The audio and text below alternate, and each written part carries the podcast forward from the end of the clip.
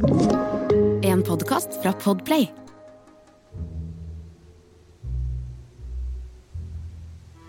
Orkdal syke- og aldershjem ser ut som det ligger eh, langstrakt og hviler i sommerkvelden. Der det strekker seg i hvit mur og brunbeiset tre bortover tunet. På innsiden av bygget har de fleste beboerne allerede sovnet. Og en kvinnelig sykepleier er på vei inn til kveldsvakt. Mens hun skifter til uniformen, kjenner hun en klump i magen. Hun gruer seg. Det har vært så fæl stemning på jobb i det siste, etter at flere pasienter har blitt funnet døde, helt uten forvarsel. Hun har snakket med flere om at den siste som har vært inne hos alle de døde, har vært bestyrer Nesset. Men de orker ikke å tro at det kan være sant. Vel er han pertentlig og streng, men han er også sjarmerende. Og han virker oppriktig glad i de gamle, som ofte er like begeistret tilbake. Det er alltid så koselig når en Arnfinn kommer innom, har hun hørt flere si. Med den varme skjelven som kommer i stemmen med alderen. For en stund siden ble det bestemt at de skulle være to sykepleiere inne hos pasientene ved behandling og medisinering. Og hun vet at kveldsrunden hun nå skal gå, er sammen med bestyreren. Nå ser hun ham gå ned i korridoren, i den hvite frakken skyvende på medisintralla si. Kveldens første pasient står for tur. Og hun grøsser når de går inn på sykeværelset, fordi hun har en følelse av at akkurat i kveld vil det gå galt igjen. De jobber taust rundt den sovende pasienten, og når hun snur seg for å fikse brettet med stellesaker, ser hun i sidesynet at bestyreren trekker opp en sprøyte og setter den i albuekroken til den gamle mannen. Ti minutter senere, når hun står i utstyrsrommet for å legge fram til neste pasient, kikker sjef Nesset innom og sier alvorlig vi har dessverre fått et nytt dødsfall. Hjertet stopper nesten i brystet hennes. Han trenger ikke å si noe mer. Hun aner ikke hvordan hun skal kunne bevise det, men hun vet at hun akkurat var vitne til et mord.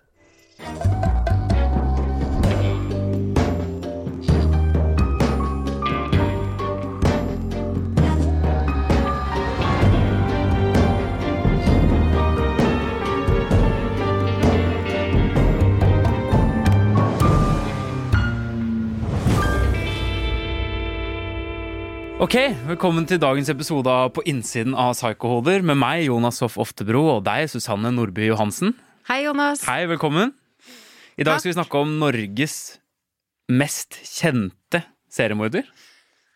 Ja, han er jo ikke bare Norges, men han er vel kanskje Nordens eh, mest kjente.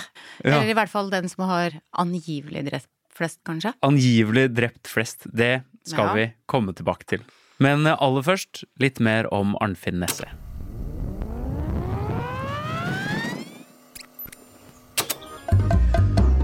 Arnfinn Nesse ble født i Trøndelag i Norge i 1936. Han vokste opp under enkle kår på en liten fjellgård sammen med moren og hennes foreldre. Arnfinn var enebarn, og faren hans var fraværende hele barndommen. Utenfor skolen brukte han bl.a. tid på å sy sammen med moren. Og da han var ferdig med folkeskolen, utdannet han seg til sykepleier og fikk etter hvert en kone og to barn. Som 30-åring ble han ansatt som bestyrer på Orkdal syke- og aldershjem, og han var godt likt av både ansatte, innlagte og pårørende. Etter å ha jobbet på hjemmet i nesten ett år, begynte flere og flere eldre å dø under mistenkelige forhold. Mange av de andre ansatte mistenkte bestyreren sin, men de turte ikke å anklage ham uten bevis. Så da fortsatte dødstallene å stige i hele tre år til, før Nesset ble innkalt til avhør hos politiet. Da tilsto han i første omgang rundt 30 drap, men flere av drapene han innrømmet og har begått, ble motbevist. På det meste slo mediene opp at det var snakk om så mye som 100 mord, og han satt i politiavhør i nesten 1000 timer. Måten han hadde tatt livet av de gamle på, var å injisere kurasitt. Som lammer musklene i kroppen, inkludert pustemusklene, og som fører til at du kveles i våken tilstand. Rett før rettssaken skulle starte, trakk han alle tilståelsene, men han ble til slutt dømt for 22 av de 25 drapene han sto tiltalt for, i tillegg til underslag og dokumentforfalskning. Nesse ble med det Norges, faktisk Nordens, største seriemorder, og han ble dømt til livsvarig 21 år i fengsel. Etter tolv år ble han overført til fri soning pga. god oppførsel. Han ble løslatt i 2004 og lever i dag med nytt navn på hemmelig sted og er 92 år.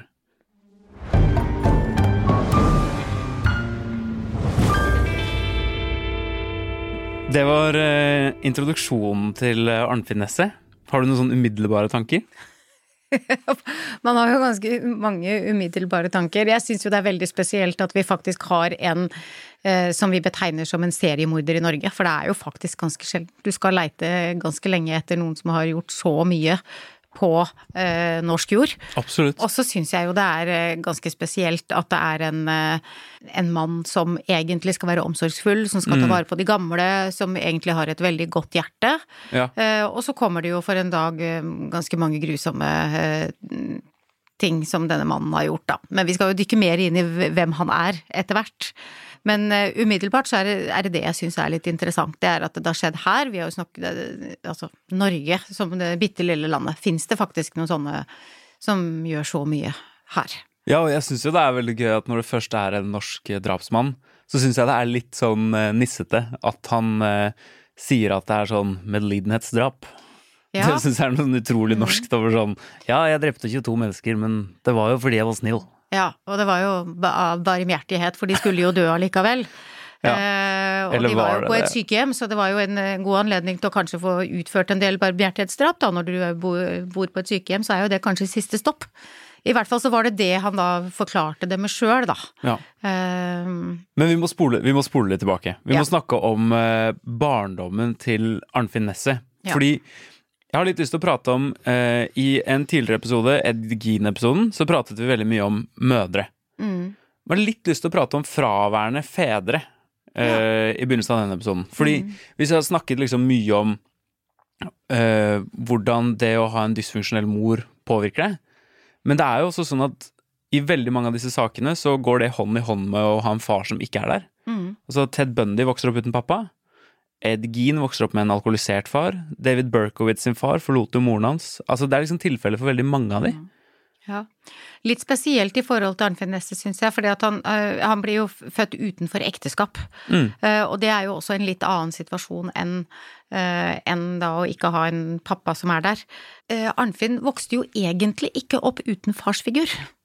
Så hvis, du, hvis vi skal sammenligne, Ja. så syns jeg det blir litt vanskelig, fordi han, bodde, han vokste opp på gård, eller altså et veldig kummerlig lite sted, Mm. sammen med mamma og besteforeldrene.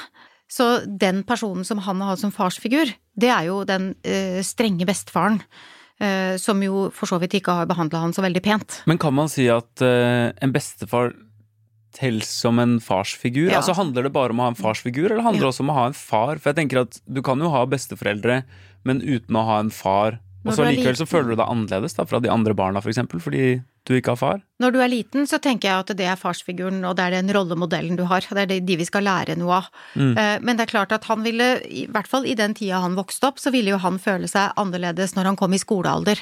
Og ville oppleve at det var jo Han hadde jo bare mamma, han hadde jo ikke noe sterk pappa som var der, og noen figur eh, som, som stilte opp for han i det hele tatt. Mm. Eh, Så jeg tenker at du er sårbar. Absolutt. Hva er det som er viktig med å ha en farsfigur, da? Når du er eh, Det er jo litt forskjell på gutt og jente, for jeg tenker jo at eh, guttene eh, assosierer seg mer med pappaen sin. Når Arnfinn Nesse vokste opp, Ja. så var jo det å være en sterk mann som forsørget eh, kona di og barna dine og tok vare på familien, det var jo veldig viktig. Jeg skal ikke si at ikke det er viktig nå, men eh, det er kanskje litt mer likfordelt enn det det var den gangen. Mm.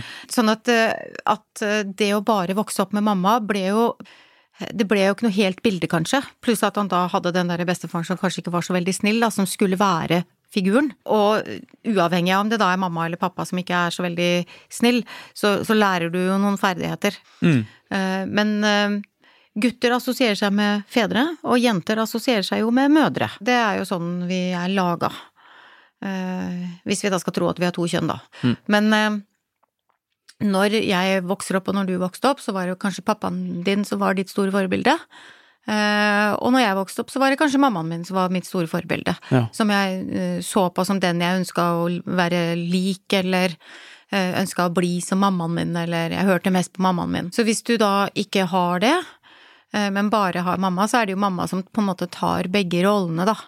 Ja. Eh, Og da vokser du kanskje opp på en litt annen måte, med litt andre forestillinger. Du lærer kanskje litt andre ting enn det du ville lært av en pappa, da. Jeg kjenner at det blir veldig vinglete å si det de der tinga som guttene skal lære, for vi er i en litt annen tid nå. Så vi må sette oss tilbake i den tida og skjønne at han vokste opp i en annen tid enn det vi gjorde. Ja, 100% Men så handler det jo det handler om identitet òg. Ja, det gjør det absolutt, fordi at vi identifiserer oss jo med den rollemodellen, og utvikler jo identiteten vår i forhold til hva slags input og hva vi får av uh, den rollemodellen.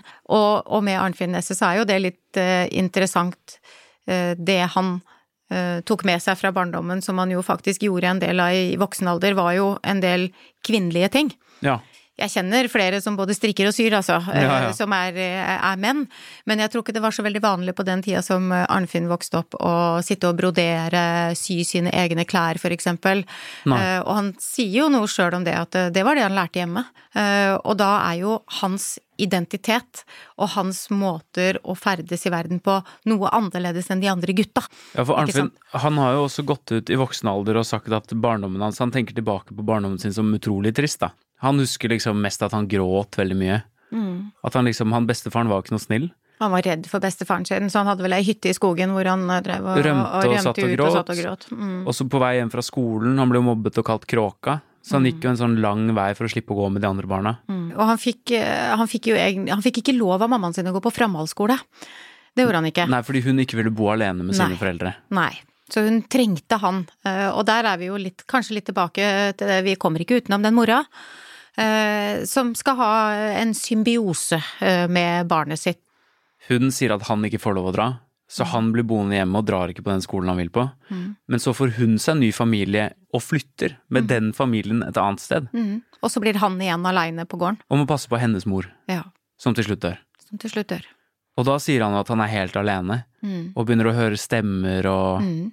Ja, han beskrev det, at han hørte stemmer og gikk rundt i sin egen verden og ikke hadde det så veldig bra psykisk, da. Men jeg hadde noe jeg hadde lyst til å spørre deg om apropos det. Mm. Fordi eh, han er jo ikke schizofren, Arnfinn Nesse. Men så hørte jeg en psykolog som pratet om at hvis du er liksom veldig alene, og kanskje litt deprimert, så kan du få et sånt tankekjør som gjør at du kan tro at du hører stemmer, men det er ikke eh, hallusinasjoner på samme måte som en som er paranoid schizofren. Det stemmer, det. Hva er forskjellen mellom de to? Forskjellen er vel egentlig at det er dine egne tanker du hører. Ja, altså at du, du personifiserer kanskje dine egne tanker lite grann i, Ja. i en sånn prosess. Eh, Men han hørte ikke bare Han sa ikke at han bare hørte stemmer. Han sa en ting til. Han hørte kirkeklokker. ja. Ja. Og da begynner vi kanskje å nærme oss eh, noe som ikke er helt uh, innafor bare det å være aleine. Ja. Han var jo også vokst opp ganske religiøst, så eh, vi har jo vært borti noen av disse religiøse mødrene før. Men både kirkeklokker, der er lyd utafra, Ja. da er det en auditiv hallusinasjon, og så har han da stemmehøring, som også for så vidt er en eh, auditiv hallusinasjon, for han hører stemmer, men jeg tror det var mer inni han, da.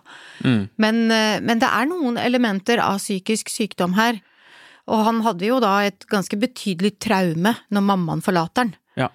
Som kunne ha vært utløsende til en eh, stemmehøringslidelse eller en eh, psykose, da.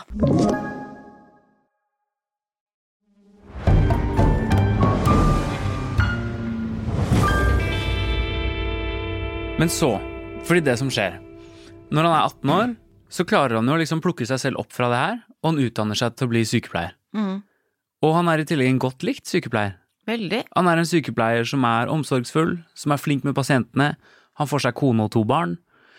For meg så virker det som om han har klart å Han har få livet sitt på rett kjøl. Han har veldig mye status i, i bygda. På den tida der så var jo sykehjemsbestyreren eh, nesten ensbetydende med presten. Han var en veldig høyt ansett eh, person, eh, og det fikk han med den stillingen. Og så hadde han også en ganske betydelig eh, rolle i det religiøse miljøet. Han var jo også med i en sånn i menighetsråd eller noe sånt noe. Ja. Så, så han hadde jo status på to plan, og det var jo før så var det jo skole og kirke og sykehjemmet som egentlig var de tre store som hadde makt, da. Ja, ja. I, og makt er jo en ting vi bør snakke om med Arnfinn Nesse etter hvert. ja, for la oss nå bevege oss litt sånn mot vendepunktet. Mm. Hvorfor han tipper over til å begynne å drepe folk. Mm. For det jeg ikke skjønner, er når en person er så i vater som han virker å være utad. Som har liksom en, en høy posisjon i samfunnet, og som er godt likt, og Han har familie som er velfungerende. Det har i hvert fall ikke vært sagt noe om dem, altså. Har han vært i vater da, tror du? Nei, men det er det jeg lurer Hva er det, hva, hva er det som eh, dytter han over grensa, da? Fordi det virker som om det ytre miljøet hans er veldig trygt. Ja, det er jo ingenting som skulle tilsi at han skulle gjøre noe som helst. Altså, han var jo vel ansett og hadde makt, og han eh, hadde folk som beundret han, og så opp til han og kom Ja. til han for råd, og jeg finner ikke noe trigger eller noe sånn derre er det. Hva er det som skjer her? Eh, Nå vet vi jo da ikke om eh, han har gjort disse handlingene kun på det sykehjemmet som han var eh, leder for. Nei. Nå spekulerer vi bare, må Ja, bare ja. si det. Eh, og, og, og egentlig så vet vi jo ikke 100 noen ting her. Eh, han kan jo egentlig ha starta på denne karrieren før han ble eh, sykehjemsbestyrer. For jeg, jeg ser jo egentlig på han som en veldig skjør person. Han ble jo også, når han ble, til slutt ble tatt, så ble han jo lagt inn på Østmarka i Trondheim. Ja. På lukka psykiatrisk avdeling. Eh, Men før han kom dit, så hadde han jo gjort en del ting som jeg syns er mye mer spennende å snakke om enn at han var innlagt på, på Østmarka, da. Ja, for la oss hoppe tilbake til Ja. Han eh, begynner å bestille Curasitt, som er eh, Stopp meg hvis jeg sier feil, men det, det lammer deg, Lammer Men du- muskulaturen din helt. men du blir ikke bevisstløs. Nei. Og i tillegg så Curasitt er ikke så veldig vanlig på sånn sykehjem og aldershjem. Nei. Og likevel så bestiller han liksom uendelig mye av det. Tolv liter eller noe sånt, var det ikke det det sto? Tolv liter Curacet. Og så begynner dødstallene Da har du planlagt å drepe. Ja, det har du. Det har du. Og så begynner dødstallene å gå Opp. opp. Og så viser det seg jo at han forfalska jo eh, medikamentlista for å få bestilt Curacet òg. Ja. Og det er jo enda en planlagt handling, tenker jeg.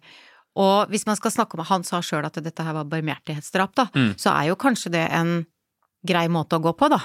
Men uh, det, er ikke, det er ikke bare en god måte å dø på. Nei, nei, altså Eller det jo kan det høres jo ganske fælt ut. Å ligge liksom Du klarer ikke å bevege deg, og så ligger du bare sakte Det er jo kveles, egentlig en liksom. helt grusom måte å dø på, fordi at Ja. du er klar over at nå kobler kroppen min ut. Og du har jo ikke noe kontroll, for muskulaturen slokkes jo bare ned. Og så er du fortsatt bevisst i hodet ditt og klarer å forstå hva som skjer. Ja, ja. Men det er ikke en bråkete metode, da. Så Nei. hvis han skulle velge en metode på et sykehjem, så må jo det være den beste måten å gjøre det på, fordi mm, det er jo nesten ingen som legger merke til det, fordi at vedkommende kan jo ikke Han klarer jo ikke å be om hjelp. Ja, hvis vi skal snakke om det som hans liksom modus operandi, så er det også ganske smart, fordi Curacit har ganske kort nedbrytingstid. Mm. Så etter to år så er det helt borte. Og det gjorde jo også at eh, de kunne jo ikke dømme han for ting som hadde skjedd for mer enn to år siden. For det var umulig å finne ut av. Mhm. Og det andre med hans modus operandi er at um, han er jo mann, men han dreper med gift. Ja, det har vi jo snakka om før, at det er sånn kvinnemetode, da. Det er sånn kvinnemetode. Ja. Hva, hvorfor? Altså, vi, vi må litt tilbake i barndommen hans igjen, da, tenker jeg. Han er jo vokst opp med denne mammaen. Han er jo blitt en, en veldig sånn myk person. Det ble jo kommentert når han kom inn i retten at eh, han gikk i klær som så kvinnelige ut. Uh, og Ja, han var jo ikke en voldsom person. Nei, det var han jo ikke. Han var jo ikke voldelig av seg. Altså, jo, altså, å drepe noen er jo vold. Ja. Men, men han var jo ikke noe eh, Det er jo ikke noen beskrivelser av at eh, han gjorde sånn som bestefaren, som var veldig streng og slo, eller Ja, og det er vel egentlig litt av problemet når de skal begynne å anklage han òg. mm, For det er jo flere sykepleiere som, som vi snakket om innledningsvis i åpningshistorien her òg, mm. som begynner å rette mistanke mot han fordi han bestiller kurasitt, og fordi dødstallene øker. Men de, det tar ganske lang tid før de egentlig sier det til noen. mm. Han er bestyrer, det er vanskelig å peke han ut og anklage han. Men han er jo ikke bare bestyrer, det er jo flere av de som beskriver han som en strålende sjef. Han var en god sjef, han tok vare på både pasienter og personale, og de ble hørt og Sånn at han, han hadde jo de kvalitetene, tenker jeg da, som en god leder skal ha. Det, det tror jeg også da er grunnen til at det tok lang tid før noen sier ifra. Mm. Det er jo at for det, det blir så usannsynlig Ja. at den gode personen Hvordan kan han gjøre hvordan det? kan han gjøre dette her? Han var en snill, omgjengelig fyr som var godt likt i bygda og Og det er vel derfor de tror på han lenge òg. Ja, selvfølgelig, og det er derfor du sitter langt inne og sier fra. Mm. Og mis, fatter mistanke til en du liker. Det gjør vi jo ikke.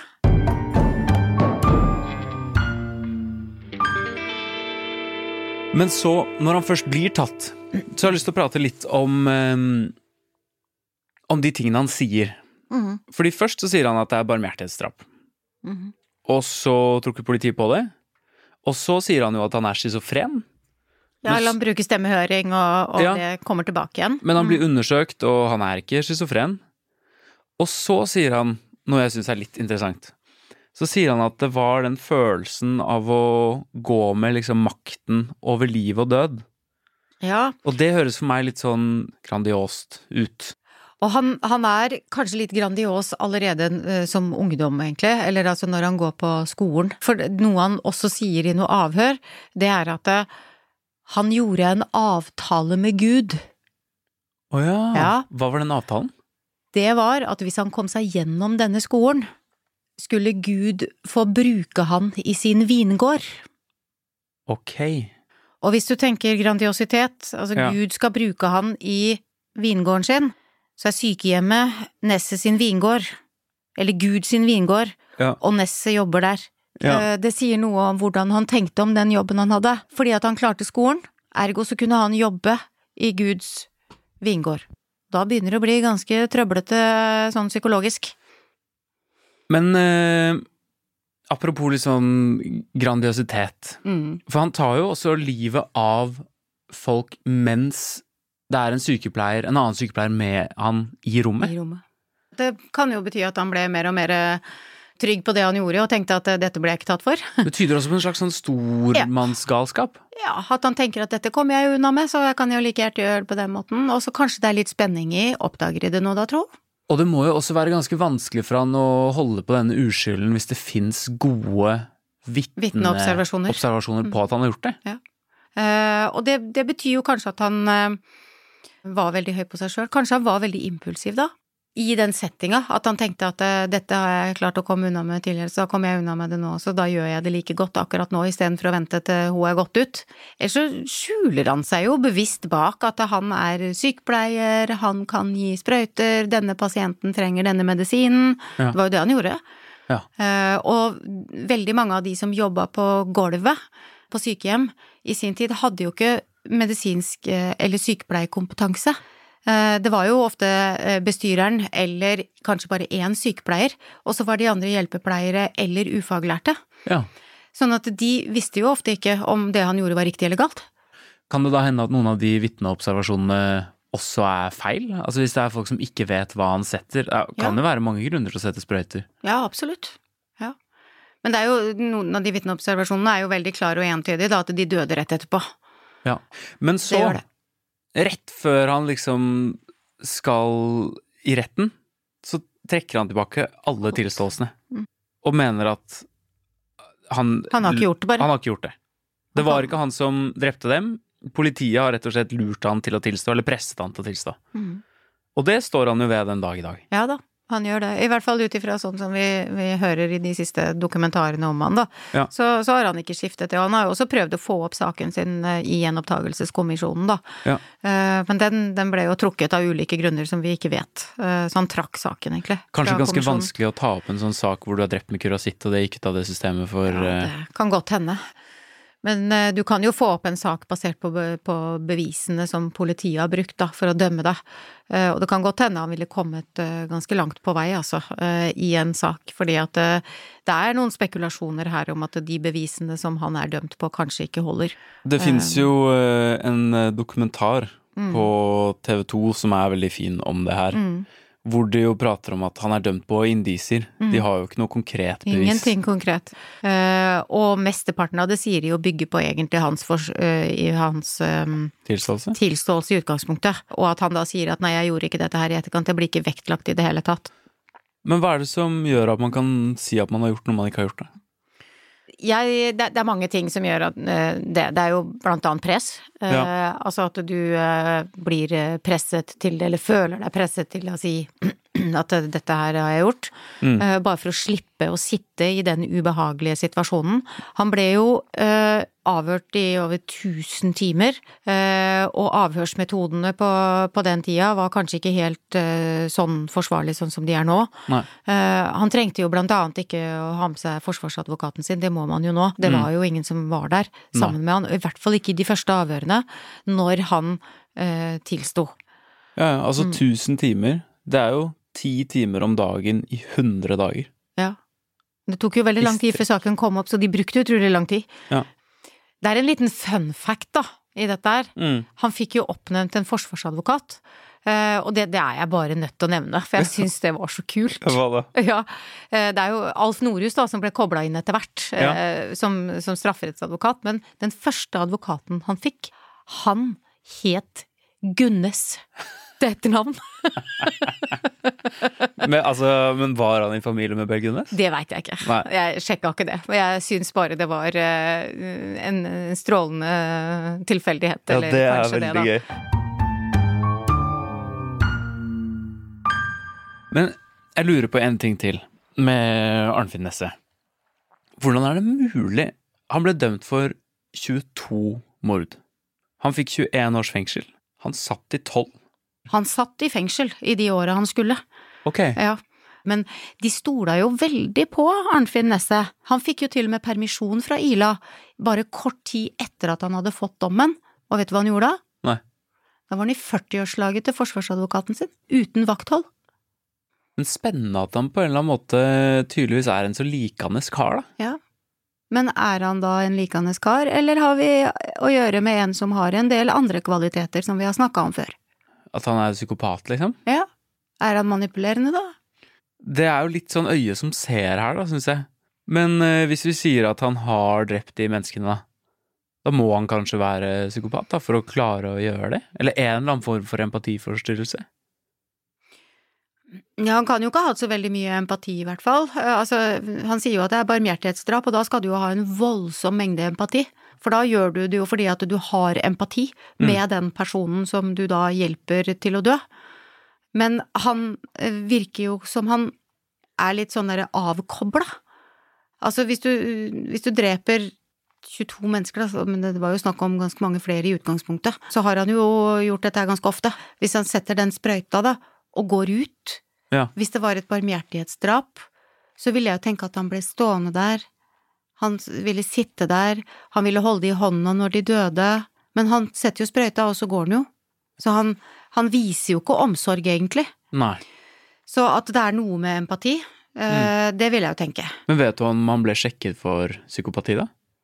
Han fikk jo ikke bare to, to eh, psykiatrisk sakkyndige, men han fikk fire. Ja. Så han er jo undersøkt grundig. De jobbet jo uavhengig av hverandre, og de kom fram til omtrent akkurat den samme konklusjonen, og på den tiden så skulle man på en måte bare si at han ikke var sinnslidende, at Ja. han ikke var alvorlig sinnslidende, men det de kom fram til var at han hadde varig svekkede sjelsevner. Det var et begrep. Ja. Og da er vi litt på mangelfull empati, eh, manipulerende, da er vi litt på det Å, når du har mangelfullt utviklet sjelsevner, så Ja. klarer du ikke å ivareta de mer sånne eh, sosiale relasjonene. Eh, det har ikke noe med IQ å gjøre, men det har med evnen din til å være et medmenneske. Men hvorfor var det så mange som syntes han var så sjarmerende og flink med de gamle og sånn da? Ja, da tenker jeg at da har vi den, den psykopatiske trekka, da. Som kanskje ligger litt i det mangelfullt utviklede sjelsevner. Er det barndommen som gjør at han har utviklet det, eller? Når vi tenker, altså når man setter en sånn, altså det er jo ikke en diagnose, men når de skriver at det er mangelfullt utviklede sjelsevner, så sier det seg selv det er utvikling. Ja. Eh, sånn at han har ikke utviklet det han skal eh, i oppvekst eh, og ungvoksenlivet. ung voksenlivet. Sånn at man tilskriver det en oppvekst som kanskje ikke har vært god. Og jeg vil jo tenke at den informasjonen som ligger her fra hans oppvekst, er noe de rettspsykiaterne har lagt vekt på. Mm. Så han har jo ikke fått den stimuli og den støtten han skal for å utvikle seg, verken sosialt eller sjelsmessig, da, hvis man kan kalle det det.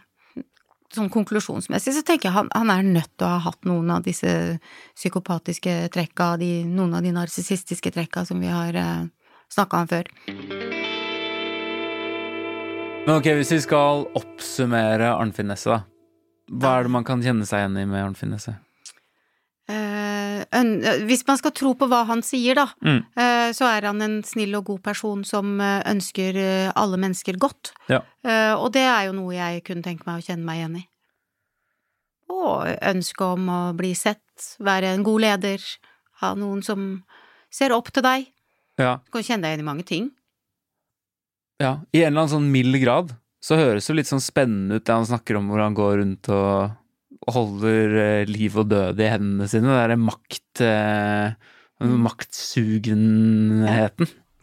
Den tror jeg vi ønsker oss alle sammen, så det er ikke så rart om du også syns at den er spennende. For han leker jo litt Gud, spør du meg. Og det Liksom. sier han jo også ganske tydelig med Ja. det han sier, altså at hvis han står den skolen her, så, så lova han Gud at han skulle leke i hans vingård. Ja, og det det er- syns jeg jo er litt spennende. Og det kan vi jo kjenne oss igjen i litt, Ja, litt. så jeg er enig i det. Jeg liksom har ikke noe lyst til å drepe noen, men eh, det hadde vært gøy å liksom ha sånn superpowers. Eller tro at du hadde superpowers, kanskje. Eller tro at jeg hadde superpowers, ja. Ja. Helt sånn eh, avslutningsvis, tror du vi får noe svar? Nei. Nei. Det tror jeg ikke. Jeg tror det er for gammelt, uh, og jeg tror at Arnfinn Nesse er for gammel til å gjøre noe med det sjøl, hvis man skulle tenke at dette her var et justismord. Eller altså man, mange justismord. Så tror jeg han er for gammel til til å orke å ta det opp, og klare å ta det opp. eh, Og det er jo litt trist, hvis man tenker at eh, man skal kunne ha en sånn mulighet. Men eh, noe ordentlig svar på det her, det tror jeg ikke vi får. Men han lever jo fortsatt. Du tror ikke det finnes noen memoar der ute et eller annet sted som kommer ut når han er død? Det kan hende at han har sittet og skrevet masse. Det håper jeg. Det håper vi. Det blir en ny episode. Det blir en ny episode da. Tusen takk for i dag. Tusen takk for i dag, Jonas. Veldig moro. Gleder meg til neste gang. I like måte. Og tusen takk til deg som har hørt på.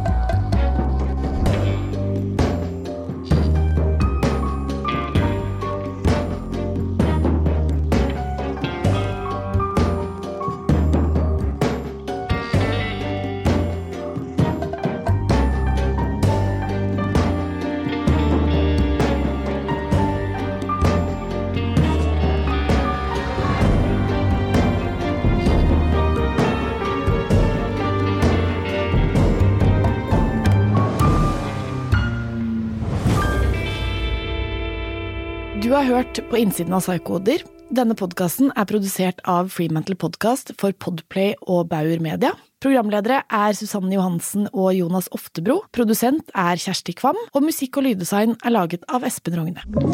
Du har hørt en podkast fra Podplay. En enklere måte å høre podkast på. Last ned appen Podplay, eller se podplay.no. Velkommen til Kjemperådet!